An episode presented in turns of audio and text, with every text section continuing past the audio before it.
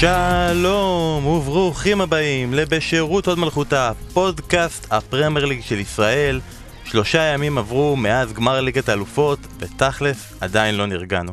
ואמרנו איך אנחנו יכולים להתייחס עוד לזכייה הזאת של ליברפול ולגמר של שתי האנגליות ולכל העונה הזאת שעברה ליברפול? כי בכל זאת אני ושרון ואסף כבר דיברנו הרבה ואמרנו מה חושבים על ליברפול ואמרנו מה חושבים על מה היה בגמר הזה. בפרק שאתם עדיין יכולים לשמוע אם עדיין לא יצא לכם לשמוע פרק יחד עם דור הופמן על גמר ליגת אלופות.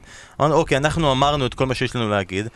אה, אליכם, לאוהדים של ליברפול של קבוצות אחרות, בואו נשמע מה יש לאוהדים של ליברפול להגיד על העונה הזאת של ליברפול, ואני בטוח שיש להם הרבה מאוד מה להגיד. אז חיפשנו ברחבי הטוויטר וברחבי הפייסבוק מי אפשר להביא, איזה אוהדים הכי טובים אנחנו יכולים להביא, שייצגו נאמנה את האוהדים של ליברפול. יש מצב שלא קלענו בדיוק לכל שאר האוהדים. אה, אז אמרנו נביא את אה, צמד האריאלים. האריאל הראשון, אריאל גרייזס, אתם מכירים אותו יותר בתור האיש הזה שאחרי שאתם רואים פרק של משחקי הכס אתם רצים לדה באזר לראות את הטורים שלו. אה, חוץ ממשחקי הכס, אתה גם אוהד ליברפול כמה זמן? 35 שנה ככה? בערך אותו זמן כמו שאתה כותב טורים על משחקי הכס, משהו כזה, בערך כמו של הסדרה, כן. אז תודה רבה אריאל שהגעת, ומכאן לעוד אריאל, אריאל מורחובסקי, נכון? הפעם אמרתי את זה נכון? נכון, זה השם, אוקיי, כן. סבבה, אריאל מורחובסקי, שמלבד אוהד ליברפול אתה גם מדבר כמונו על ליברפול בפודקאסט הכפית. נכון, יש לנו את פודקאסט הכפית, שהוא פודקאסט ייעודי לאוהדי ליברפול בישראל, שאנחנו מריצים אותו ככה פלוס מינוס מתחילת העונה. אנחנו מקליטים ברדיו הבינתחומי בהרצליה, בעיקר אני ורותם זמורה, וכל הזמן מביאים חבר'ה אוהדים שבאמת אה, ידברו ככה בריל טיים, אבל גם דברים על זמנים, ועכשיו גם היה לנו פרק על הזכייה באליפות אירופה, היה פרק חגיגי ביותר. אז כל האוהדים של ליברפול שכבר שומעים את פודקאסט הכפית, יכול להיות שאריאל פה קצת ימחזר, אבל אנחנו מזמינים אתכם לשמוע את פודקאסט הכפית, ומזמינים אתכם גם להיות איתנו. אה, ובואו נצא לדרך ונדבר קצת על חוויות מיום שבת של שניכם. אני אשמח לשמוע מכם קצת, אה, אתם יודעים, אפילו ברמה הבסיסית. איפה ראיתם את המשחק? איך חוויתם אותו?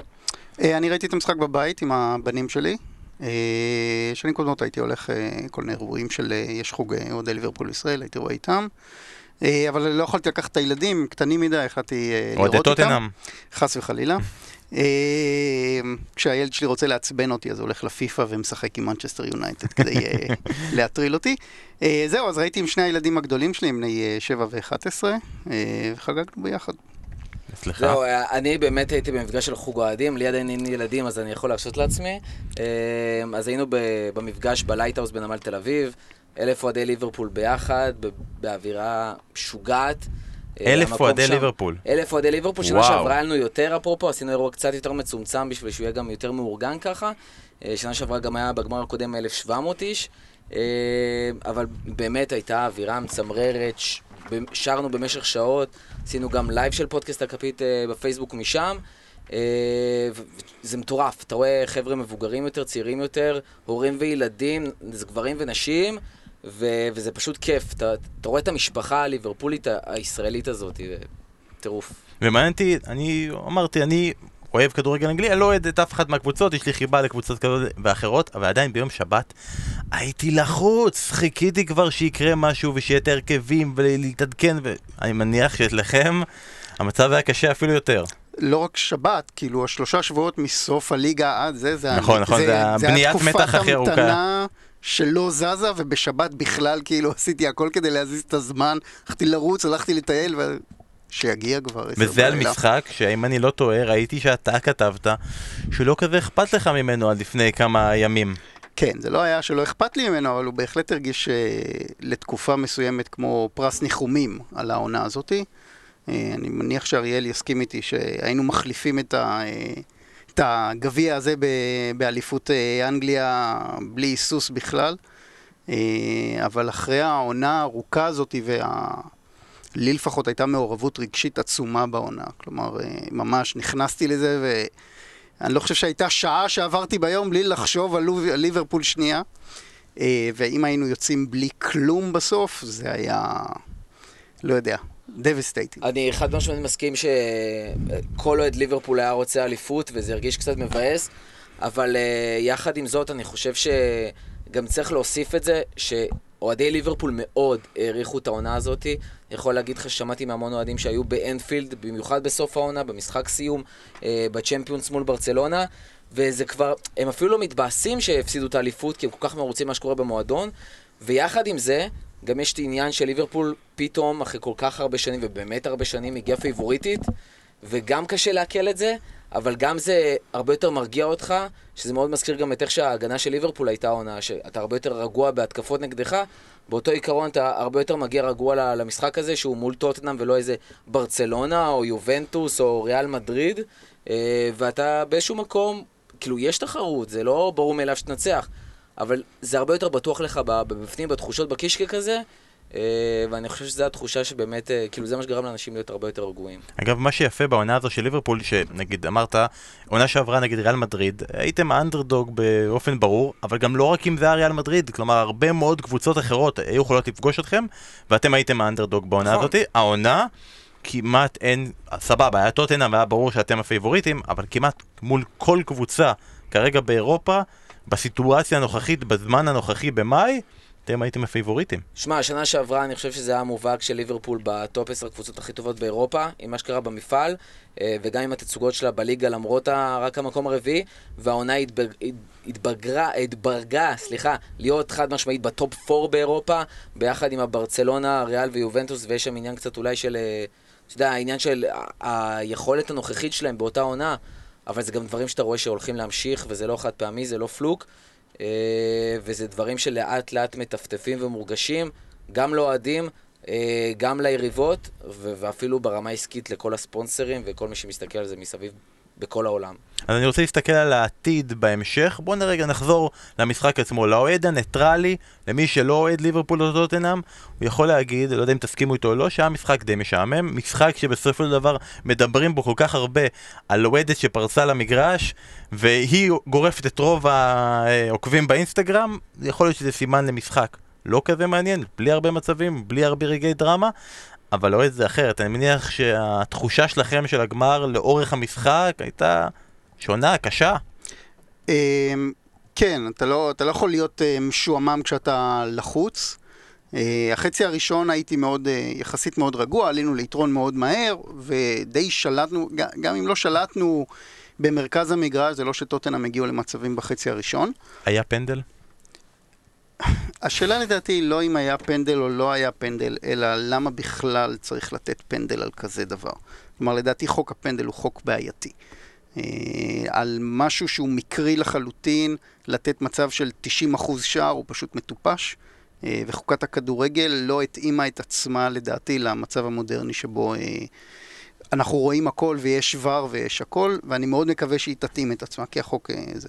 ואתה מסוג האוהדים שאחרי שרואים את הריפליי ורואים שאתה בעצמך אומר זה לא נשמע כמו פנדל, אם השופט היה מבטל היית אומר צודק, או שאתה אול אין ולא אני, אכפת לך כלום? ו... אני לא חושב שצריך לתת פנדל על כזה דבר, אבל uh, לקחתי את זה בשתי ידיים, וממש לא היה אכפת לי uh, ברגע שזה, ו- וכשהוא הלך לבר, או כשהוא הקשיב באוזניות, אז...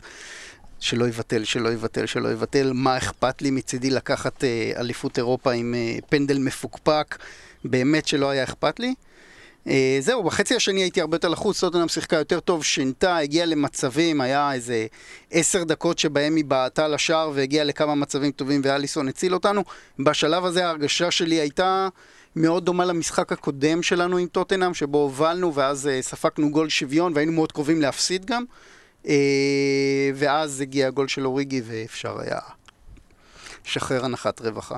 אני חושב שפשוט ה... מה, שקורה בתקשורת הבאז אחרי שהמשחק היה לא טוב או דברים כאלה זה נטו בגלל איך שהתקשורת ניפחה את המשחק הזה וציפתה פה למשהו מטורף אה, גם בגלל המשחקים האחרונים, גם בגלל שזה שתי אנגליות, גם בגלל שזה ליברפול וצריך להבין, כאילו להיכנס לפרופורציות, היה צריך לראות לפני ולהבין שזה גמר שזה שני מאמנים שהולכים לזכות, אחד מהם הולך לזכות בתור הראשון שלו בקבוצה, בתור האירופאי הראשון שלו, וממש לא מתכוונים לזרוק את זה, ו- ולא יודע, להשתגע שם ב- על המגרש. אה, ובלי קשר ליכולת של הקבוצות, בסופו של דבר זה היה משחק מאוד טקטי, והוא גם משתקף מאוד דומה למה שציפינו. זאת אומרת, תראה את המשחקים הקודמים שהיה ליברפול מול טוטנאם העונה, כמו שאריאל אומר, בסופו של דבר, השער מוקדם של ליברפול, כמו שבמשחקים הקודמים, טוטנאם הייתה טובה מאוד ב-20 דקות האחרונות, רק שהפעם, כמו שציפינו, ההגנה של ליברפול, לא רק שהייתה מאוד טובה ברגיל, התעלתה עוד יותר, סגרה אותם לגמרי, עשתה בדיוק את מה שהייתה צריכה לעשות, כולל החילופים המאוד טובים של קלופ עם מילנר ואוריגי, ובעצם הראו שהם באמת הקבוצה היותר טובה, שיותר מגיעה לה, וזה בכלל לא קשור לאיכות, בסופו של דבר יש פה קרב של גלדיאטורים, והיותר טובים ניצחו. אין ספק אה, שלגבי ליברפול שהגיע להם, דיברתם כבר על זה בעצם ששניכם די מסכימים שהייתם מוכנים להחליף את התואר הזה בתואר אחר, מתחלפים עם סיטי בכיף, אפילו אם לא, לא טראבל. תואר אחד, עושים את החילוף. אני חושב שגם סיטי היו מתחלפים איתנו בכיף, זה הקטע... אפשר עדיין לדבר איתם, כן, חבר'ה, כאילו, סבבה, אוקיי, אפשר, מה... החלפה קטנה, כן. כולה, מה, זה חורט בשם, משנים את השם, עושים כזה איקס גדול, ויהיה בסדר. אבל בכל זאת, עד כמה הזכייה הזאת בליגת האלופות, עבור המורשת, עבור החותמת על העונה הזאת, הייתה חשובה לכם כאוהדים? אני חושב שזה היה קריטי. קודם כל, כמו שאמרתי קודם, אה, לעבור עונה כזאת של תשעה חודשים שבהם... אתה עוקב אחרי הקבוצה ואתה נכנס לזה ולסיים את זה בלי כלום היה מאוד מאוד קשה לי בתור אוהד. אני חושב שגם היה מאוד מאוד חשוב... אבל לק... מאוד ליברפולי. כן, אתה יודע, זה נורא, זה נורא מצחיק שלליברפול אה, נדבקה התבנית, התדמית הלוזרית הזאת. ליברפול הייתה הווינרית הגדולה של אירופה. בשנות ה-70 ובשנות ה-80. אז נכון, ב-20 שנה האחרונות היא נכנסה למקום אחר. אבל ליברפול היא לא לוזרית, היא לקחה את, את, את, את אה, גביע אירופה ב-2005 באחד הניצחונות הכי ווינרים אי פעם. אה, כן, יש לה מדי פעם אה, את ההחלקה הזאת של ג'רארד, בסדר, אבל אני מאוד לא אוהב את, ה, את הכניסה הזאת לזווית של לוזרית. ליברפול לא לוזרית, היא קבוצה גדולה, והיא הייתה חייבת את האליפות הזאת. אני חושב ש... ל... הוא עדיין אומר, לא. חייב את האליפות הזאת, הוא כבר אה, החליף. אליפות אירופה. לא, זו אליפות, זה איזשהו תואר, באנגלית זה נקרא צ'מפיונשיפ, זה לא משנה איזה. היה חייב, קלופ היה חייב להוריד מהגב את הנושא הזה של לא הביא הארדוור לליברפול, היו חייבים להביא איזשהו גביע מוחשי. אה, אני חושב... היו, כן, היה חייבים להביא איזשהו תואר, כי אחרי עונה כזאת ואחרי שלוש וחצי שנים במועדון, אתה חייב לבוא ו- ולא רק לשחק טוב, ולא רק להוביל, ולא רק אה, להבקיע הרבה גולים, אתה חייב להביא את התארים בסוף, כי זה מה שחשוב. אני חושב שזה היה מאוד חשוב לקבוצה, אנחנו ראינו ב-2014 שכמעט לקחנו אליפות, ועונה אחרי זה, נכון, היה את העזיבה של סוארז והכל, אבל הייתה התפרקות טוטאלית של הקבוצה. אני לא חושב שקלופ היה נותן לזה לקרות הפעם, אם לא היינו לוקחים זה, אבל אני חושב שזה בונה אותך ל... אה, ל, ל, ל, ל למאבק אליפות בשנים הקרובות בצורה הרבה יותר טובה. הקבוצה הזאת יודעת שהיא יכולה לקחת את זה, אה, זה היה מאוד מאוד חשוב. גם לשחקנים, גם לקלופ, ובעיקר לנו האוהדים. אני אמשיך אה, את מה שנאמר, ואני רוצה לגעת בשני דברים. אחד, אני, קודם כל הגביע הזה, אמרנו, התואר הזה, היה סופר חשוב, קודם כל בשביל האוהדים. אה, ובשביל המסביב, ולשים את התווית הזאת של הנה ליברפול של קלופ. חשוב מאוד להגיד, לא ליברפול של פעם ולא ליברפול של 20 שנה האחרונות, אלא ליברפול של קלופ יכולה לזכות בתארים, זה קורה, זה אפשרי. והדבר השני, ושאנשים אני חושב שלא אומרים את זה מספיק, אה, זה שהתו... אני מאוד שמח שזכינו בליגת אלופות לפני שזכינו ב... ב... ב... בליגה. וזה בא מהסיבה הפשוטה שקודם כל הליגה יותר חשובה, ושתיים, כדי להוכיח לשחקנים שהכל אפשרי, גם לזכות בליגה וגם לזכות באלופות, אה, וגם לזכות בעוד תארים, ואפילו בשני תארים בעונה, ולהמשיך מפה. ואם היינו זוכים דווקא בליגה, אני חושב שדווקא שם זה היה פחות העניין של רגע, עוד חסר לנו ואנחנו צריכים להמשיך לעלות, אלא הנה עשינו את שלנו, ולהגיע לאיזשהי סוג של זכיחות, שלי קצת הרגישה בתחילת העונה הזאת, או העונה שעברה, כשמשחקים מול ליברפול ותופסים ממנו כפייבוריטית, וליברפול עדיין לא יודעת לשחק ככה. גם באופי של השחקנים, כל השחקנים עד אה, שבת האחרונה אה, בהרכב לא זכו מעולם בתואר גדול בקבוצה גדולה, אה, ופעם ראשונה הם עושים את זה, ועכשיו הם צריכים להיכנס למוד של זכינו, איך עכשיו משחקים, איך עכשיו מתמודדים מול היריבים. אה, לקראת האליפות שכן רוצים לזכות בה. נכון, אמרת בעצם להגיד שהכל אפשרי, וזה די מסמל להם שבפעם השנייה מצליחים. כלומר, לא זכינו בליגת אלופות פעם ראשונה, פעם שנייה מצליחים, לא הצלחנו השנה בליגה, בשביל זה יש את השנה הבאה. אה, אריאל, נגעת בנושא של קלופ, וכמה זה היה חשוב להוריד את הקוף הזה מהגב של הלא זוכה בתואר גדול. ויצא לנו לדבר במהלך הפודקאסט הזה כמה פעמים על הנושא הזה של קלופ, עם אי הסכמה של כל הצדדים, לא יודע כמה מכם שמעתם, ואם לא שמעתם, תתביישו. אה, ואפילו הצגנו פה אוהד שעובד פה של ליברפול ואמר, שאמר בסופו של דבר, אוהד, אמרתי לו תמיד, זה נשמע מאוד מכבי תל אביבי. בסופו של דבר צריך לראות תארים, כלומר קלופ זה נחמד ושיחקנו יפה והיינו מאוד קרובים והכל, אבל, אבל לא נזכור את זה. לא נזכור את זה, אם נזכור את זה בעוד הרבה הרבה הרבה שנים, נזכור את זה בתווית של ה... הלוזרים שלא רוצים לדעת, כאילו ניוקאסל כזה, שסבבה, זוכרים אותם כקבוצה הנחמדה שהייתה בטופ ואיבדה את זה למנצ'סטר יונייטד. או מנצ'סטר יונייטד שהייתה כבר בטופ ויכלה לזכות ואיבדה את זה למנצ'סטר סיטי. כלומר, לא זוכרים את הקבוצה במקום השני. ואם זה יקרה עוד עונה, ואם נעביר עוד עונה בלי תואר, אולי אפילו כבר יתחילו הקולות של האם לקלופ יש את מה שצריך כדי להחזיק את המועדון הזה ולקחת אותו לגבהים חדשים. אוקיי, אז הקבוצה זכתה, ויכול להיות שהנושא הזה כבר פחות רלוונטי. אתם גם הרגשתם ככה? אני חושב שצריך פשוט להבין בשביל מי המועדון הזה מתקיים. והמועדון הזה לא מתקיים בשביל הקהל הרחב, אלא הוא מתקיים בשביל האוהדים. וכמו שאמרתי, האווירה בליברפול עוד לפני הגמר, ואחרי שהבינו שלא הולכים לזכות באליפות, אה, זה שזה לא משנה להם, כאילו, כי זה יקרה שנה הבאה, ואם לא שנה הבאה זה יקרה עוד שנתיים, כי מה שקורה במועדון, והמושג שאני הכי אוהב זה בריא, המועדון בריא. מבחינת ההנהלה ומבחינת המאמן, ומבחינת ההבנה של איך התהליכים צריכים לעבוד, ואיזה שחקנים מביאים, ואיך הם מתנהגים בתוך המועדון, ואל מחוצה לו, זה דברים שמאוד מאוד משמעותיים, והאוהדים, האלה שגרים בליברפול, והמסביב, מבחינתם, גם אם לא היינו זוכים בליגת האלופות, בגביע הזה, בתואר, הם לא היו עכשיו מתבכיינים ועוזבים ומתבאסים, כמובן שהקהל הרחב והתקשורת הם מדברים על זה אחרת, אבל המועדון לא עובד בשבילם. המועדון עובד בשביל האוהדים. קלופ אומר, אני, אנחנו זכינו, אנחנו שיחקנו, אבל כל זה היה בשביל האוהדים. וג'ון הנרי הבעלים בא ואומר, זה בשביל האוהדים, ובשביל האוהדים אנחנו הולכים להמשיך להשקיע, לא לעצור, להמשיך להשקיע כי לא, לא סיימנו. אנחנו רוצים לזכות עדיין בליגה, ולא פעם אחת, בדיוק כמו שהם עשו עם הבוסטון רד סוקס. אה, וזה בסופו של דבר מה שבאמת מהותי. והאוהדים שבשבילם זה בוצע, מעריכים את זה ב-level הכי גבוה. כן, אמ, אני מסכים שהאוהדים היו מעריכים את זה מאוד. אני חושב שהזכייה הזאת הייתה מאוד חשובה, אבל למיצוב של ליברפול. אה, כתבתי על זה קצת השבוע. ליברפול קיבלה את התווית המרגשת. אה, גם האוהדים היריבים משתמשים בזה כדי קצת ללעוג אה, לליברפול, מרגשת מרגשת. מה זה מרגשת? זו קבוצה שמשחקת כדורגל התקפי ויפה וזה, אבל לא זוכה בתארים. אה, כמו שדיברת על ניוקאסל של אה, שנות התשעים, אז אותו דבר. אה, ליברפול שאני התחלתי לאהוד בשנות ה-80 לא הייתה ליברפול מרגשת, היא הייתה ברצלונה של, של העולם. Mm-hmm. היא זאתי שדרסה את העולם. וההרגשה שלי זה שהזכייה הזאת היא שלב מאוד מאוד קריטי בלהחזיר את ליברפול למה שהיא הייתה פעם. כלומר, לא סתם קבוצה מרגשת שמדי פעם מצליחה לגנוב תואר כמו ב-2005, אלא לאחת מאריות הכדורגל של, אה, של אירופה.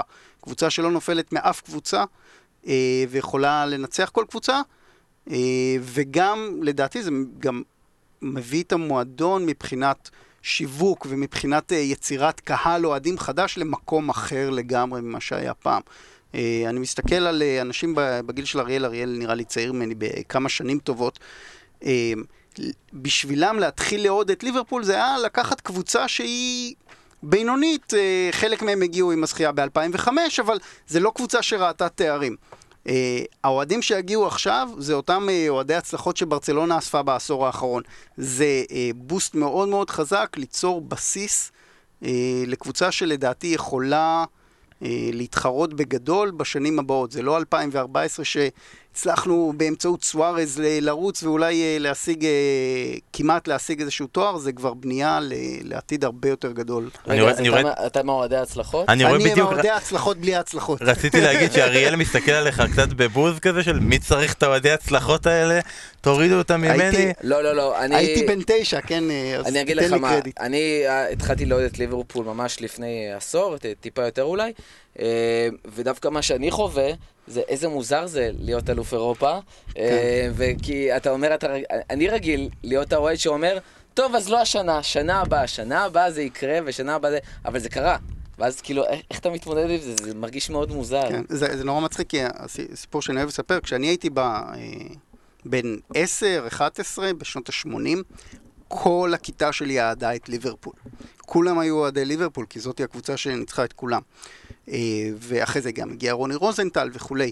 והיה איתי בכיתה בחור אה, אנגלי שגדל בלונדון והיה אוהד טוטנאם שרוף. אה, היריבות מתחילה מאז, אתה מבין? והוא היה אומר, הוא אומר לי כל הזמן, הטלפון הראשון שלו אחרי הגמר. חכו, חכו, ליברפול עוד תיפול, אתם תראו, ואז כולכם תיתקעו עם הקבוצה הזאת. אה, והוא כאילו חזה את זה די במדויק, מצד שני זה לא שטוטנאם עלתה אה, יותר מדי במקביל. ובאמת, זה קהל, אם אתה מסתכל על האוהדים של ליברפול בארץ, אז, אז באמת יש קבוצה מאוד מאוד גדולה של החתך גיל שלי שהתחיל את ליבר, לראות את ליברפול אז, ואז זה באמת היה כמו ברצלונה של היום, ש, שכל ילד קטן אה, אוהד ליברפול. היה גם את אבי כהן ששיחק בליברפול, ובגלל זה הרבה מאוד אה, ישראלים אהדו אותם, ואחרי זה רוני רוזנטל. אה, אז כן, אנחנו באים ממקום אה, שונה לגמרי, והילדים שיבואו עכשיו, הם אה, גם כן, מקווה שהם יהיו עדי הצלחות. אבל שיבואו, שישלמו, מה זה משנה, המועדון מרוויח, ואז אפשר להמשיך להתקדם. הנה, הוא שמח שרוני רוזנטל הגיע, ואתה שמחת שאנדי קארול הגיע, כל אחד כן. והעברה שלו. טוב שלא אמרת בלוטלי. אני מניח שיוסי בניון הביא הרבה אוהדים ישראלים. כן, נכון. אמרנו הרבה פעמים פה את המילה רגש, ואמרנו גם את העניין הזה שרגש וליברפול לאוהדים זה הפך להיות הקבוצה המרגשת, ולאוהדים של הקבוצות האחרות זה הפך להיות מילת גנאי. בעיקר כשמקשרים את העניין הזה, שבליברפול יש את הדבר שהפך להיות באיזושהי צורה ההפך הגמור מרגש, והוא כסף. כלומר, אתה לא יכול להיות מרגש אם הבאת שחקן, את השחקן הכי יקר, הבלם הכי יקר בעולם, או השוער הכי יקר בעולם לשנייה וחצי עד שצ'לסי עקפו אתכם. איך זה מרגיש מבחינתכם, והאם אתם יכולים גם להבין את אוהדים אחרים, כי יש הרגשה שליברפול קצת נכסה לעצמה, אוהדים של ליברפול, את העניין הזה של קבוצה מרגשת. אנחנו קבוצה מרגשת, כל שאר הדברים שקורים פה זה כדורגל ציני ומנוכר. תשמע, ב-20 שנה האחרונות, אם לא יותר, אפילו אפשר להגיד 30, ליברפול נכסה לעצמה את העניין של הקבוצה המרגשת, כי כל uh, גמר או תואר שהיא השיגה, היא הייתה אנדרדוגית, חוץ מאולי בגמר אה, ב-2001. ווסטאם. לא, ליברפול אז לא הייתה אנדרדוגית מול ווסטאם. נכון. אז לא, אז אוקיי, סבבה. ו- וזה די הרגיש כאילו, אתה יודע, היא מגיעה לשם כי זה כך כמו ב-2005. כן. Uh, ומה שקורה הפעם, שבאמת ליברפול לא מרגשת באופן הסינדרלי. אבל ליברפול מאוד מרגשת כשאתה נכנס לסיפור שלה, וכשאתה קצת נכנס לעומק של התרבות של האוהדים והמשפחתיות. ויורגן קלופ, וכל מה שהולך שם מסביב. ואתה יודע מה? אפילו אני אגיד לך, יש משהו שעלה עכשיו ממש לאחרונה, אה, בדקו את הירידה של ה... לא אנטישמיות, אבל את השנאה כלפי זרים או כלפי מוסלמים בעיר, אה, מאז שמור סאלח הגיע, ויש ירידה משמעותית באחוזים, ו... ברמת ה-30-40 אה, פלוס אחוז, ו- וזה רק מראה את ההשפעה החברתית שקורית שם. ולהביא שחקנים... שהם לא מסי ולא רונלדו ולא נאמר ולא הם בפה. במת... נכון, הם מביאים שחקנים ב-70 מיליון יורו, אבל זה לא השחקנים כמו קוטיניו ב-140, או בוא רק תביא לי, אני אשלם כמה שאתה רוצה, כי זה לא מה שקרה. אה, אז כן, ליברפול עדיין מרגשת, כי הם עדיין, הנה העונה, עם כל הכסף, זכרו, ניצחו משחקים 2-1, או 1-0 על אברטון עם הגול של אוריגי. כן, זה מרגש, כי זה גורם לאנשים שיושבים מול הטלוויזיה להתפחלץ בדקה ה-96 מהזכייה. זה לא ברצלונה שבליגה הספרדית במשך כל כך הרבה שנים, ניצחת מיליון משחקים 5-6-0, זה לא מרגש.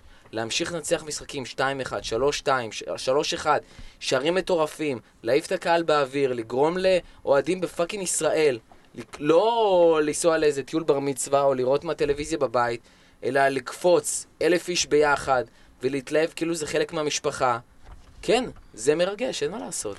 למכור את קוטיניו בכל כך הרבה כסף, ואז לראות אותו נכשל שם בזמן שאתה זוכה בליגת אלופות, זה, זה מרגש. זה מרגש. לא, סליחה על המילה, סליחה על הביטוי, אבל זה שיש לך את הביצים להגיד לקוטיניו, אתה לא רוצה לשחק פה. ביי סלמת, ונצליח גם בלעדיך, וקלופ אמר לו, במקום אחר אתה תהיה עוד שחקן, אצלנו יעשו לך אגדה, אז אה, בברצלונה הוא עוד שחקן, ולאוריגי עוד שנייה עושים פסל, זה, זה להיות מרגש, להבין את המהות של המועדון נו, הזה. הוא, הוא עדיין יהיה אגדה, הוא האיש שהלך רגע לפני הזמן.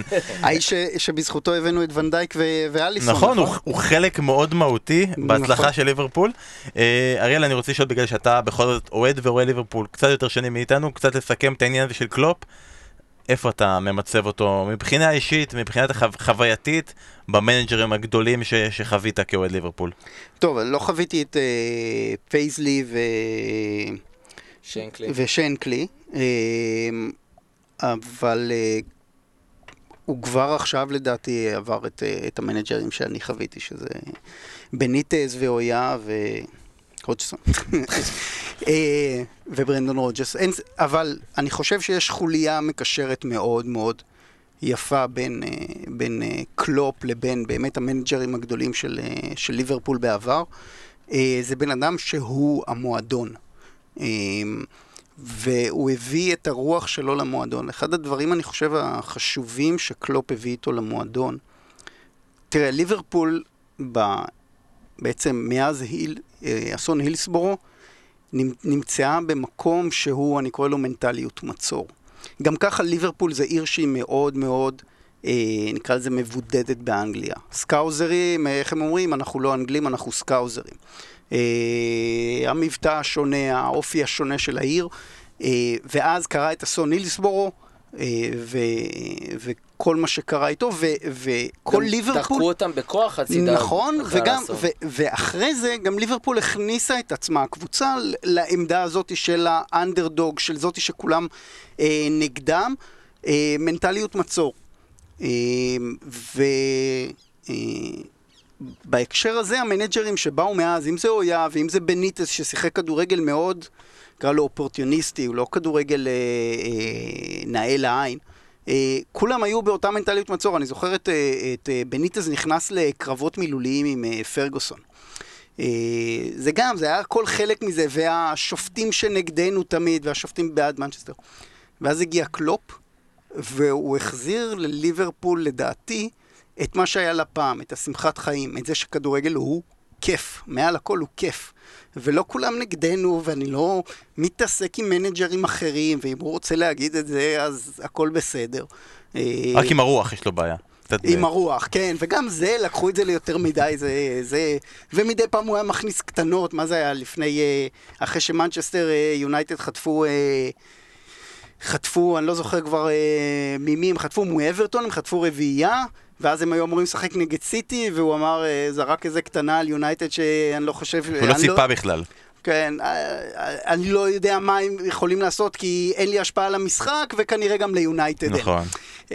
אז כל הדברים האלה, וכל החיוכים שלו, וזה, זה החזיר למועדון את השמחת חיים, ובזה הוא מאוד מאוד מקושר לליברפול הקודמת שה, שהייתה לפני אסון הילסבורו, שזאת הייתה ליברפול אה, אחרת ששיחקה כדורגל.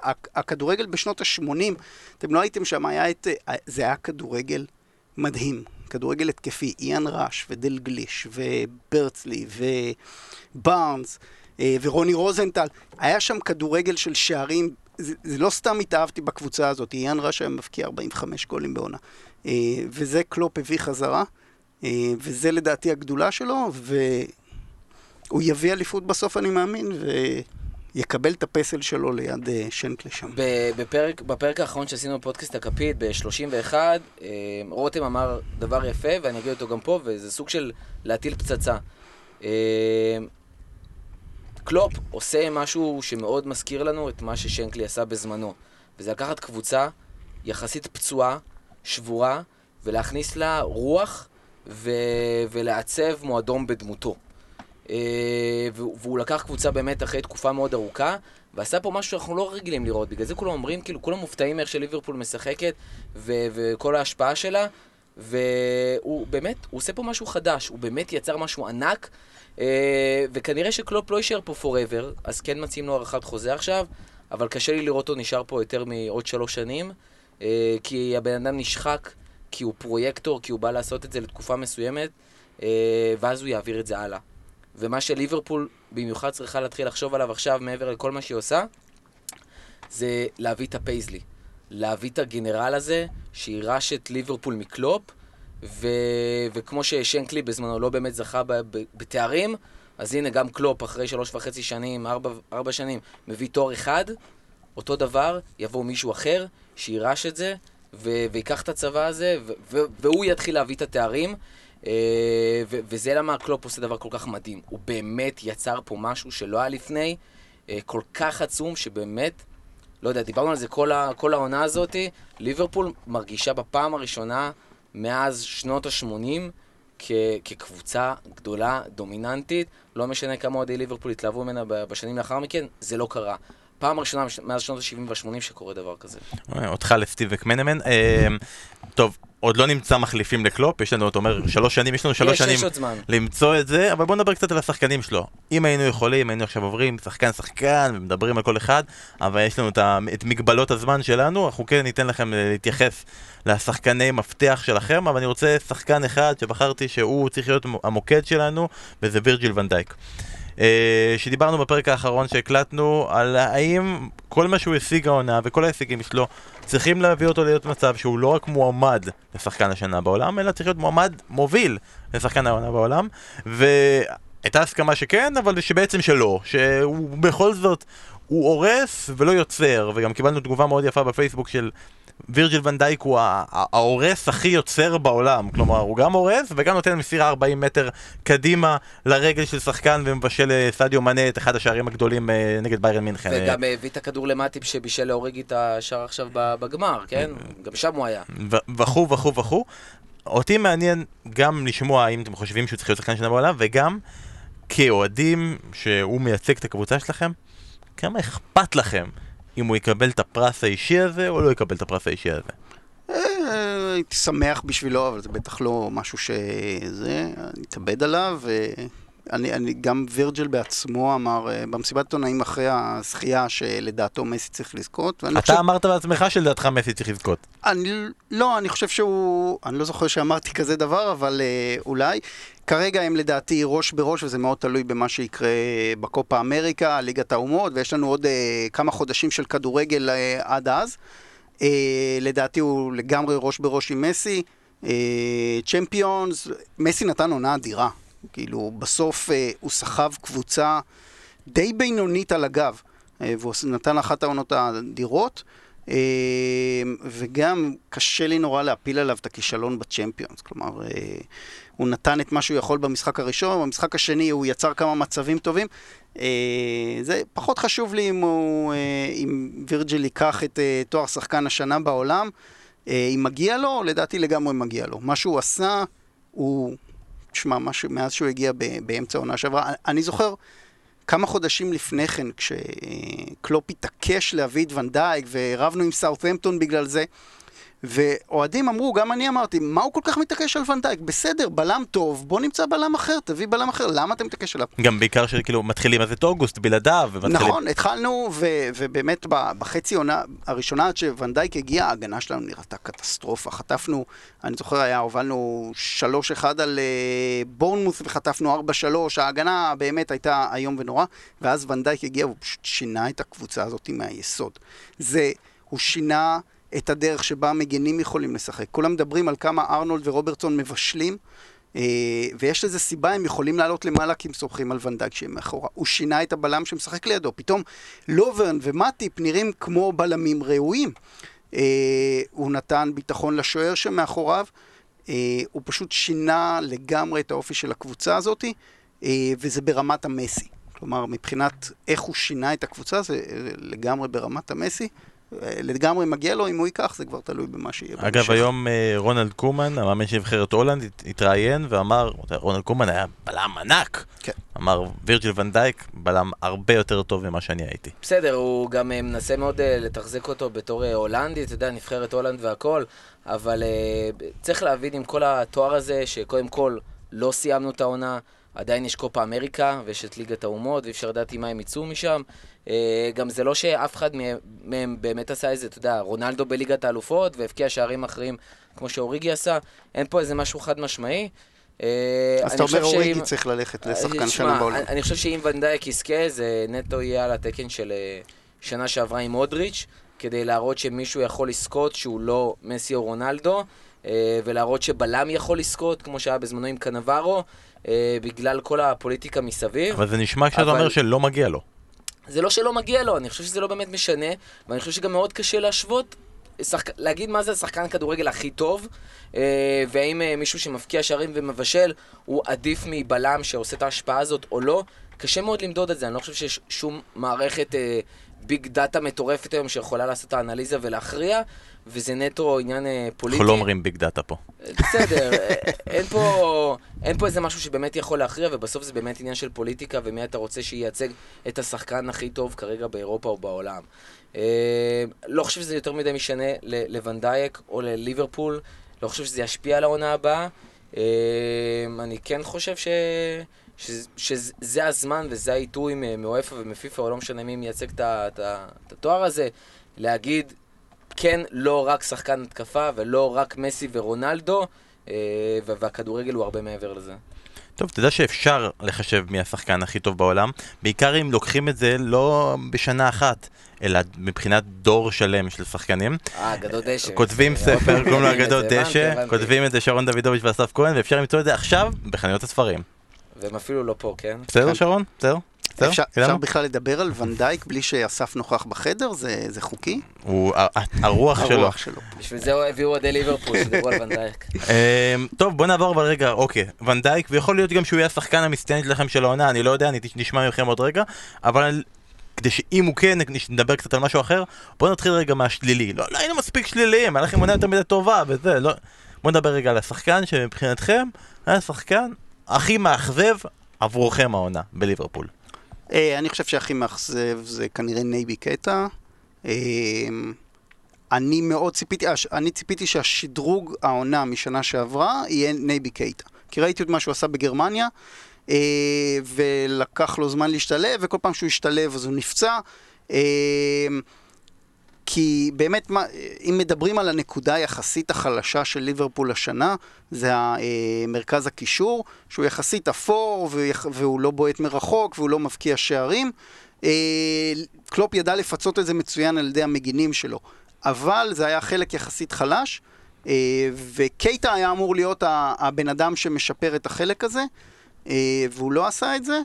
אה, נראה שנה הבאה, שנה הבאה גם אה, אוקסלייד צ'מברלין אה, חוזר, והוא זה שיכול לתת את, ה, את השערים מה, מהקישור. קייט עדיין יכול לחזור מהפציעה ולהשתפר, והוא כן, כבר התחיל כן, להתאקלם בשיטה.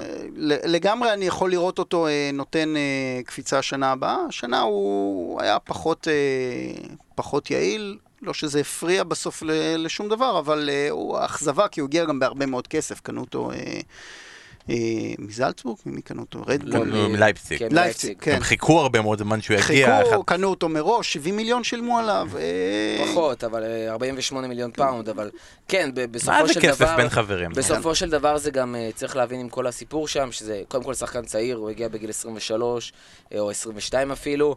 Uh, הוא צריך להסתגל לפרמייר ליג, הוא צריך להסתגל לכל מה שקשור גם לשפה ולמזג אוויר ולאימונים של קלופ ולשיטה.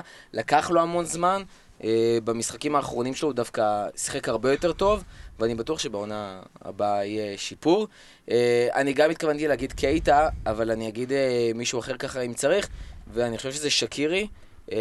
ולא כי ציפיתי ממנו להמון, כן התלהבתי ששקירי הגיע ובסכום כלום, גרושים, ה-12 מיליון פאונד שהוא הגיע.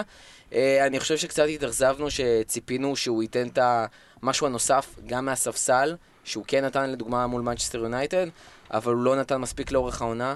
אה, היו המון דיבורים על האם הוא לא מתאים מבחינת הכושר, לא מתאים לשיטה, אם זה עניינים אה, חברתיים או התנהגותיים או כאלה ואחרים שבגללם הוא באמת אפילו לא עלה מהספסל לעשר דקות. אה, אבל זה פחות אכזבה מהשחקן כמו שזה אכזבה מזה שכן היינו צריכים מישהו כזה, ואולי בכללי שחקנים כאלה לא מתאימים. זה משהו שגרם לי לערער במהלך העונה, ובעיקר בחצי השני. אולי לליברפול לא מתאימים שחקני ווינגרים קלאסיים. אלא שחקנים שהם בהתקפה במיוחד, אלא נטו חלוצים, שחקנים שבכל רגע נתון יכולים לשחק אה, גם כחלוץ תשע וגם כווינגר, והעמדה של שקירי שם, של 4-2-3-1 בצד כווינגר, פשוט לא מתאימה, היא הרבה יותר מתאימה אולי למנצ'סטר סיטי, אה, היא מתאימה אולי אפילו ליונייטד שמשחקת ככה, אה, לליברפול זה פשוט לא השיטה, וקשה לראות גם שחקנים דומים מגיעים לליברפול ו- ועושים את העבודה ומשתלבים ככה, מה שנקרא. במקרה של שקירי נראה לי באמת שהאכזבה ממנו היא לאו דווקא על פי מה שציפית ממנו בתחילת העונה, אלא מה שציפית ממנו אחרי שהתחילה העונה ומה שהוא כן. נתן במשחקים הראשונים. כבר קיוויתם שזה יימשך, אבל בנפילתו הוא הוריש לכם את אוריגי, אז הכל בסדר. זה, זה לא האיכות וגם- שלו כמו שהתפקיד שהוא היה אמור לייצג במערך ובסגל, והוא פשוט לא עשה את זה, זה פשוט אמור לא בא להיות לידי סוג ביטוי. של אופציה לחילוף למנה וסאלח, של, של לא... ואפילו לפתיחה, ו- וזה פשוט הוא לא התאים לה- לשיטה בשום צורה. מצד שני, בוא, בוא נזכור, ה, ה, בסוף, אחרי כל הייבוש שלו, הוא עלה מול ברצלונה, נכון. אה, ובישל שם אה, שער והיה לא רע בכלל במשחק, וגם מול, ניו, מול ניוקאסל במשחק הלפני האחרון של העונה, הוא בישל את השער ניצחון כשהיינו בטוחים שזה נגמר. כלומר, כשהיה צריך אותו הוא היה שם, אה, וזו הגדולה לדעתי של קלופ. כלומר, שחקן ככה שמיובש במשך אה, חודשים, אה, עולה בלי רצון והוא עלה ותרם, ואותו דבר אוריגי דרך אגב, היה מיובש באמת חצי ראשון של העונה, לא ראה מגרש בכלל, ואז הוא עולה מול אברטון ושם את הגול ניצחון, ואז מול ברצלונה, ואז בגמר. אה, זה לדעתי חלק מהגדולה של קלופ. ואז בסוף רושמים שסטארידג' זכה פעמיים בליגת האלופות בלי לשחק בכלל. מלא סטאריג', אלברטו מורנו, אה, אלוף. אירופה. ולא פעם ראשונה, גם אה. הם לא, בלי לזלזל חס וחלילה, אבל כולם מתכוננים למשחק החשוב, והוא בינתיים הכין את החולצה שיהיה לו לאחרי. וכל הכבוד לו. יפה, וכל הכבוד לו. אה, בואו רגע, בלי להרחיב יותר מדי, אני רק רוצה לשמוע מכם, מי השחקן שהכי אהבתם בעונה הזאת בליברפול? או-אה, אה, השחקן שהכי אהבתי. שאתה אומר, אין, אני מת עליו, אני מת עליו. שמע, הזה." אני, אני קודם כל השחקן תמיד שאני הכי מתלהב, אני מתזכר את זה, זה, זה פירמינו, אבל אני חושב שהעונה זה... אי אפשר שלא להתאהב בטרנט אלכסנדר ארנולד, שכמובן הרבה ירצו להגיד. זה, זה מישהו שאתה מסתכל ואתה אומר, יואו, מה אני עשיתי בגיל 20, כאילו? והילד הזה. כל כך מוכשר, כל כך אינטליגנטי. אה, ומה שגם אמרו, אני ראיתי בדיוק תקציר אה, שוב של המשחק, ומזכירים שם שזה מטורף כמה ביטחון יש לו. אתה מצפה משחקן כל כך צעיר שיבוא ופשוט יהיה שם ויעשה את העבודה שלו, אבל הוא לוקח את זה על עצמו. והוא מבשל, והוא בועט, והוא יוצר מצבים, והוא עובר שחקנים, אה, וזה פשוט מטורף גם לחשוב מה הוא עוד יכול לעשות. וזה שלפני שנתיים, לא רק שהוא לא שיחק, אה, הוא בכלל לא היה מגן. הוא היה קשר בצד ימין, אפילו ווינגר כזה אה, מאוד התקפי, ואמרו לו, תשמע, אתה מגן, והוא נהיה מגן אה, top שלוש בעולם היום. אה, וזה זה פשוט מטורף, זה באמת להתאהב בשחקן הזה, וגם ראו את התמונה שהוא פתאום יושב. ב, ב חזר אליי אחרי המשחק למסדרון כזה, שיש את התמונה של, ה, אה, של הגמר, והוא יושב שם עם המדליה, והוא מסתכל מאוד דומה למה שהיה עם סארי, אבל פה הוא לבד, והוא פשוט מחוייך, ואומר, וואו, כאילו, מה עשיתי? אה, ואתה רואה את האחים שלו לידו, כולם מבסוטים עליו, זה, זה ילד, זה כאילו זכה באיזה תחרות כן. ג'ודו ב- במתנ"ס, אבל לא, הוא fucking אלוף אירופה. אני זוכר אותו אחרי המשחק מול ברצלונה, רואים אותו יושב בחדר הלבשה, ובוהה לא מאמין, כאילו... אני חייב רגע לפני שאתה עונה, אני חייב לעשות תיקון היסטורי לגבי אלכסנדר ארנולד, שהרבה אנשים אומרים על הבישול שלו נגד ברצלונה, שזה כזה בישול כמו בשכונה. נכון? כמו בשכונה. אני לא יודע באיזה שכונה אתם גרתם. בשכונה שאני משחק, משחק בכדורגל, אין מצב שמשחק מחודש אחרי גול כזה. בשכונה אין מבשלים, כולם בועטים לשער. לא, אם מישהו עושה תרגיל כזה, קופצים עליו עשרה אנשים, איזה. מלוכלך אתה, איזה מלוכלך אתה. כן, השחקן שאתה אהבת. תשמע, אלכסנדר ארנולד, אני מאוהב בו, אני מאוהב בווירג'ל. אה, אני חושב שנזכיר אותו כי הוא ככה, בגלל שאלכסנדר ארנולד כל כך פרח השנה, אז הוא קצת נשכח בצד, אבל אני מת על רוברטסון. אה, האח התאום. לגמרי, אבל הוא, הוא, אנחנו כבר התרגלנו אליו, כי שנה שעברה הוא נתן את אותה תפוקה. נכון. אלכסנדר ארנולד עשה השנה קפיצת מדרגה עצומה. הוא היה מגן טוב, הוא היה מהיר, הוא היה בועט לשער, השנה הוא גם, הקרוסים שלו הפכו להיות, כאילו יש לו צ'יפ על הרגל. אה, וזה לא היה לו לפני זה, וזה קפיצת מדרגה. רוברטסון היה לו את זה כבר שנה שעברה. ומה שהוא עושה באגף שמאל, תשמע, אנחנו סבלנו באגף שמאל בשנים האחרונות עם אלברטו מורנו ועם כל מיני, אה, כל מיני אה, כאלה אנריקה וכאלה, ופתאום מגיע לנו רוברטסון, ואנחנו, זה משהו שאנחנו אה, לא רגילים אליו, שיש לנו שני מגינים, ובצד ימין סבלנו מגלן ג'ונסון במשך שנים. אה, אז... קליין היה אמור להיות עכשיו אלוף אירופה. קליין, כן, מסכן, תשמע, אה, הוא עוד יקבל מדליה אם הוא, אתה יודע, חלק מהסגל ואפילו שיחק שאלה שבוע. טובה, אני מעניין. אה, לא יודע. תשמע, הוא די, די מסכן, כאילו, אתה יודע, הוא נפצע, ואז אה, אלכסנדר ארנולד פשוט ניצל את הפציעה הזאת כדי לתפוס את המקום בהרכב, וקליין לא ראה הרכב מאז. אה, ככה זה עובד, גם תום בריידי נהיה מישהו בגלל פציעה של, אה, של אה, הקווטרבק הראשי. אה, אבל זהו, אני מת על רוברטסון, על האופי שלו, על המבטא שלו. אה, וזהו, אה, כיף לראות אותו. ובלי פירוץ, השחקן המצטיין שלכם של העונה? וואי, אה, ונדייק, אני חושב שאין על זה עוררין, הבן אדם שסחב את הקבוצה ו- ונהיה עם הנדו המנהיג כאילו דה פקטו. אה, לא, סליחה, עם הנדו המנהיג עם הסרט, אז ונדייק המנהיג דה פקטו. אה, הצורה שבה הוא דחה ושיפר והכל, זה, זה, זה, לא יאומן. כן, אה, אי אפשר להתו- להתווכח עם ונדאי, כאילו זה ברור מה שהוא עשה. אני חושב ששווה להזכיר את סיידו מאנה, שהייתה תקופה שסאלח ירד, אה, ופרמינו ככה היה בינוני, והוא פשוט לקח את הקבוצה על הכתפיים והבקיע גולים מכריעים אחרי גולים. אה, והוא, אתה יודע, השנה שעברה הוא היה ככה בפינה בגלל הפריחה של סאלח, והשנה ההגנות התרכזו הרבה יותר בסאלח, ואז הוא היה יותר פנוי, והוא לקח את ההזדמנות בשתי ידיים, ואני לא חושב שהוא... אה, אני לא יודע, לא יודע להגיד אם הוא לא נופל מסאלח, אבל הוא בטח ב top level. הוא שחקן אדיר, ו... והיה מאוד חשוב אה, הוא השנה. מאוד משלים את סאלח, ואני חושב שזה החלק כן. הכי קריטי. ולך תדעו, אולי ריאל מדריד נורא ייהנו מזה. חס וחלילה. אה, אמרנו המון פעמים את השם ונדייק והזכרנו אותו וזה, אבל לא אמרנו עד עכשיו, וזה מאוד חשוב להגיד, שהוא מריח ממש טוב. נכון. זה, מאוד, זה קונספט מאוד חשוב ב pod, לדעת שהוא מריח ממש טוב. אוקיי, זכיתם בליגת אלופות, הפנים כמובן קדימה, לזכייה השנה הבאה באליפות, מאחל לכם הרבה בהצלחה, ולהגיד לכם שכנראה סיטי תעשה את זה, אבל אנחנו עוד הרבה, עוד אנחנו ממש ממש רחוקים, אבל אני רוצה לדעת, אוקיי, עכשיו... זהו, הגעתם לסיטואציה שבה רוב הקבוצות האנגליות כבר שם, כבר שלושה שבועות, התחילה עונת המלפפונים. האם ליברפול מבחינתכם יכולה לשבת רגל על רגל, לנוח, ליהנות על זרי הדפנה, או שצריך להתחזק, ואם כן איפה? אני חושב, קודם כל אני בטוח שהקבוצה לא יושבת רגל על רגל. שנה שעברה ראינו איך שהפסדנו ב- בגמר הצ'מפיונס, למחרת בערך פבינו חתם בקבוצה. תוך 48 שעות. כן, כך שהקבוצה יודעת בדיוק מי היא רוצה להביא ומה המטרות שלה. אתה מבין, עברו כבר 48 שעות, כלומר אתם לא רוצים להביא אף כן, אחד. הם לא- רוצים לחגוג בינתיים, חכה שנייה, תן להם כן. אה, ליהנות. אמ, אני חושב, קודם כל המטרה בקיץ לדעתי צריכה להיות לא לאבד אף אחד. אה, אז דיברת על מאנה לריאל ויש כל מיני זה, אני לא מאמין שזה יקרה, אז קודם כל בואו נשאיר את זה ככה.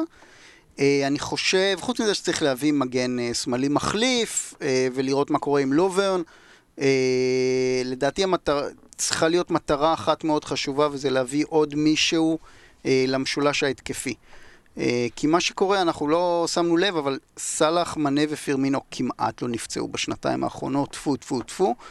אה, וזה ליגה אנגלית. יש הם- סיבה טובה גם שהם הגיעו, שהם לא, לא סתם לא פצועים. אחת הסיבות שהביאו שחקנים כאלה זה כי הם באמת פחות נפצעים. זה נכון, אבל, פציעים, אבל בוא. בוא נזכור, הם שיחקו, שלושתם שיחקו במונדיאל שנה שעברה, והם הולכים לשחק הקיץ אה, באליפות אה, אפריקה, סאלח ומנה, ופרמינו הולך לשחק בקופה אמריקה. זה עומס מאוד גדול, במיוחד שנה הבאה הולך להיות לנו עומס של אה, גביע, קהיל, מגן הקהילה ו- וסופר אה, קאפ האירופי, ואחרי זה ב- בדצמבר יש... אה, אליפות אה, העולם למועדונים או איזה חרטא כזה בקטר. והטורניר- והליגה מתחילה גם מוקדם ומסתיימת מוקדם כי יש יורו. ואני מניח שלא ירצו אה, לוותר על הגביע כמו שוויתרו עליו השנה. בקיצור, זה עומס מאוד מאוד גדול, ואנחנו כל השנה, כל השנתיים האחרונות בעצם פותחים עם אותו משולש התקפי וחייבים קצת רוטציה. אה, לדעתי, עוד שחקן אה, בסדר גודל הזה, אני נניח הייתי מאוד שמח לראות את אה, ממפיס דפאי אה, מגיע ל, לייצר רוטציה מקדימה. לא מאמין שזה יקרה, אסף בטוח ישמח לראות את זה קורה. אני גם אשמח. אה, לדעתי הוא שחקן שמתאים בול למה שקלופ אה, אוהב שם. אה, אבל אה, אני בטוח שיש לקבוצה מטרות, זה לדעתי צריכה להיות המטרה לקיץ. אם נביא מישהו לשם, אני אהיה מאוד רגוע לעונה הקרובה. לי- ליברפול, אה, כמו עסק משומן, אה, מבינה שהיא צריכה כל פעם להתחדש טיפה וכל הזמן לתחזק. אה, וכמו שמנצ'סטר סיטי עשתה בעונה שעברה, בקיץ הקודם, זאת אומרת, היא לקחה תואר, ואז היא הבינה, אוקיי, כדי לשמר את זה, יש משהו שאנחנו צריכים לעשות, וזה לעבות את הסגל. ההרכב שלה לא השתנה, אבל הספסל שלה מאוד התחזק, וראינו העונה שיכולה לפתוח כל משחק עם שלושה סופר סאבים מטורפים בדמות, לא יודע, דה ברויינה ו- וחזוס ומאחרז. אז זה מה שליברפול הולכת לעשות העונה. אה, אני מסכים עם כל מה שאריאל אמר. בסופו של דבר, שחקנים כמו מורנו לא יכולים לשבת על הספסל. אה, שחקנים כנראה בדמות אה, סטאר, סטאריג' לא יהיה שם, מורנו לא יהיה, הם מסיימים חוזה והולכים הביתה. צריכים מחליפים, אז באמת אחד להתקפה ואחד להגנה. אה, שחקנים כמו לוברן, ללאנה, הם כנראה הבאים בתור, יש כבר דיבורים על ללאנה, לאן ובכמה והכל. אני אחזור לסאוטהמפטון. אנא ערף לא באמת משנה לי כרגע. מה שכן, צריכים להגיע שחקנים, וזה לא משנה מי יגיע, אלא סוג שחקנים. זה כנראה יהיו שחקנים צעירים, שרוצים להתפתח, שרוצים לשחק תחת קלופ, שחקנים שאפשר אה, גם כחלק מה Moneyball, שגם אם הם לא בהכרח יצליחו בהרכב הפותח, הם יימכרו ביותר, שחקנים שבאמת אה, רעבים. רוצים לבוא ולשחק ולא שחקנים בני 28 בשיא, שבאים להרוויח עכשיו אה, 300 אלף פאונד בשבוע, שחקנים שיבואו אה, לרענן את החוזים, סטארידג' על חוזה של איזה 150 אלף פאונד אה, בשבוע, אז השחקן שיבוא במקומו כנראה יהיה במקסימום ב-100. אה, זה, זה בדיוק האופי של השחקנים. אה, ראינו שהשנה, ראינו משהו שלא היה עשור אולי, וזה super sub בדמות אוריגי. אה, מאז בניון אני חושב שלא היה לנו דבר כזה, והדבר הבא זה באמת להביא עוד שניים כאלה. אם אוריגי באמת נשאר, עוד שחקן להתקפה שיכול להיות super sub ולתת מנוחה לשלישי התקפית, ואם זה, לא יודע, עוד אולי זה קשר התקפי. אה, אולי בלם צעיר, אם לוברן באמת יחליטו שיעזוב, ועוד פעם, מפנה חוזה יקר, אז להביא בלם צעיר, כמו שהביאו את גומז, ולתת לו להתפתח, כי ראינו שגם גומז יכול לשחק מדהים אה, ליד ונדייק, וגם הטיפ יכול לשחק מדהים. דיברנו על שחקני העונה, זה לגמרי השחקן המפתיע של העונה. אה, מבחינתי הוא גם יכול לפתוח את העונה הבאה בכיף, ואז הוא באמת מפנה מקום לבלם רביעי צעיר שיכול לבוא ולהתפתח. אז אני מבין מכם שאפשר לעבות את הספסל, אתם סומכים על ההרכב הקיים. זה שלא הצליח לעשות את זה העונה, אולי יצליח לעשות את זה בעונה שמע, זה הבאה. הרכב שהביא 97 נקודות, זה הרכב שהביא, נקודה ממנצ'סטר סיטי, אה, הרכב שהביא את אה, ליגת אלופות, וכנראה מה שהיה חסר לו זה התקופות של אה, ינואר והתקופה של אה, נובמבר, שהיו סופר עמוסות ומתישות. ואם היה אפשר לתת לשחקנים קצת לנוח ולא להגיע למצב שפביניו בלם אה, ופרמינו כשהוא לא 100% כשיר אז יש מישהו יכול לשחק במקומו ולפתוח ולהיות טוב אז כנראה אולי היינו עם נקודה שתיים יותר וזה היה סוגר את האליפות הזאת. אז כאן תמה לה עונת 2018-2019 של ליברפול. עונה באמת, אני לא יודע אם אפשר להגיד את זה מרגשת, אפשר להגיד מרגשת, מותר להגיד מרגשת. כן. עונה מדהימה. מדהימה ומרגשת של. ליברפול שמסתכמת בליגת האלופות, ואו-טו-טו כבר מתחילים את העונה הבאה, וכאן אנחנו גם נסכם ונסיים מילות סיום שלכם על העונה הזאת של ליברפול, ועל החוויה שלכם כאוהדי ליברפול על העונה הזאת. תשמע, מבחינתי הייתה באמת עונת שיא, אה, ואני מקווה שהעונה הבאה תהיה העונת השיא החדשה. אה, רגעים בלתי נשכחים, גם התחלנו את הפודקאסט ואנחנו מתכוונים להמשיך לרוץ איתו. אה, כמו, שאמרנו, כמו שאמרתי קודם, קלופ עושה פה סוג של שנקלי, הוא מתחיל משהו חדש. הוא לא מביא פה משהו שהיה, הוא מביא פה משהו חדש וגדול, אה, ואני מקווה שהפרפרים שהיו כל העונה הזאת אה, ימשיכו, ונהנה ככה בטירוף. כאן יושב לרוב, איפה שאתה יושב, יושב שרון דוידוביץ', והוא היה כבר מגיב ושר את אה, משהו חדש של דני רובס, אבל אני רואה אל שאתה... תצפה ממני לשיר, זה פחות בקטע של שירה לא-. חבל עליך. לא כן. לצפות זה אומר שלא נסיים עם שירה שלכם של You Never Walk Alone. אנחנו כן יכולים אה, לשיר six baby, וכנראה נקווה שנה הבאה גם seven, באטאטורק, שבכלל יהיה מהמם. מילות כן, הסיום שלך? אה, תשמע, זה היה, זאת הייתה עונה מדהימה, זו הייתה חוויה רגשית שאני לא זוכר כמוה. עליות ומורדות. המשחק נגד ניוקאסל לבד, זה היה אה, עליות ומורדות שאתה, שאוהד רגיל מקבל בחצי עונה. אה, סאלח נפצע, אתה חוטף, אתה מכניס. אה, לי זה היה כיף גדול, כי הילדים שלי נכנסו לכדורגל, וזה, גם הייתי באנפילד השנה עם אשתי. בקיצור, זה היה חוויה רגשית, ואתה יודע, כש, כשהיא עמדה להסתיים אמרתי, וואה, אני אשמח לנוח קצת מהעונה, והיום בבוקר, טוב, מתי, מתי כדורגל עוד פעם? מתי... זהו אותי, אני קם כל בוקר עכשיו אלוף אירופה, אני כבר שלושה ימים מסתובב עם חולצות שונות של ליברפול. אני קניתי קורנפלקס של אלופים, על מה אתה מדבר? מתי משחקי הכנה בסין? מתי מתחילים לשחק נגד קבוצות? אוטוטו, אוטוטו לא זה סין, מתקרב. השנה ארצות הברית, אה, וקצת מבאס גם עם השעות וכאלה, אה, אבל אה, דווקא ההכנה המעניינת זה לא המשחקים בארצות הברית. יש אה, סופר מגן cup, הקהילה וסופר אה, cup. super cup מול צ'לסי, אה, ויש מגן הקהילה מול סיטי, זה שני משחקים, נכון? זה גומלין. וואו. לא, מגן הקהילה זה משחק אחד. אה? מגן הקהילה זה משחק מגן אחד. זה- הקהילה זה משחק אחד, סבבה, אז יש שם איזה שני משחקים אחלה הכנה, אני חושב שאחלה הכנה לעונה הזאת, אה, יהיה מעניין. צריך להסתפק באדולן של אה, אליפות אפריקה וקופה אמריקה בינתיים. בעיקר קופה אמריקה, צריך לקדם את מה שמשודר פה בערוץ הזה. לגמרי של קופה אמריקה, זה בסדר. תודה רבה לצמד האריאלים שהגעתם לכאן. תודה רבה לכל אוהדי ליברפול ששמעו אותנו בפרק הזה, ולכל מי שלא אוהד ליברפול ושמע אותנו בפרק הזה, אנחנו ממש ממש מעריכים אתכם על זה שצרעתם את כל זה. עוד נגיע, עוד יגיעו ימים של פרקי ארסנל. ארסנל לאן, ארסנל גרועה, פרקים כאלה, אתה יודעים, כאלה, כמו שהקבוצה כרגע נראית. תודה רבה לכל מי ששמע, מקווה שניפגש בקרוב. להתראות. יאללה, ביי. ביי.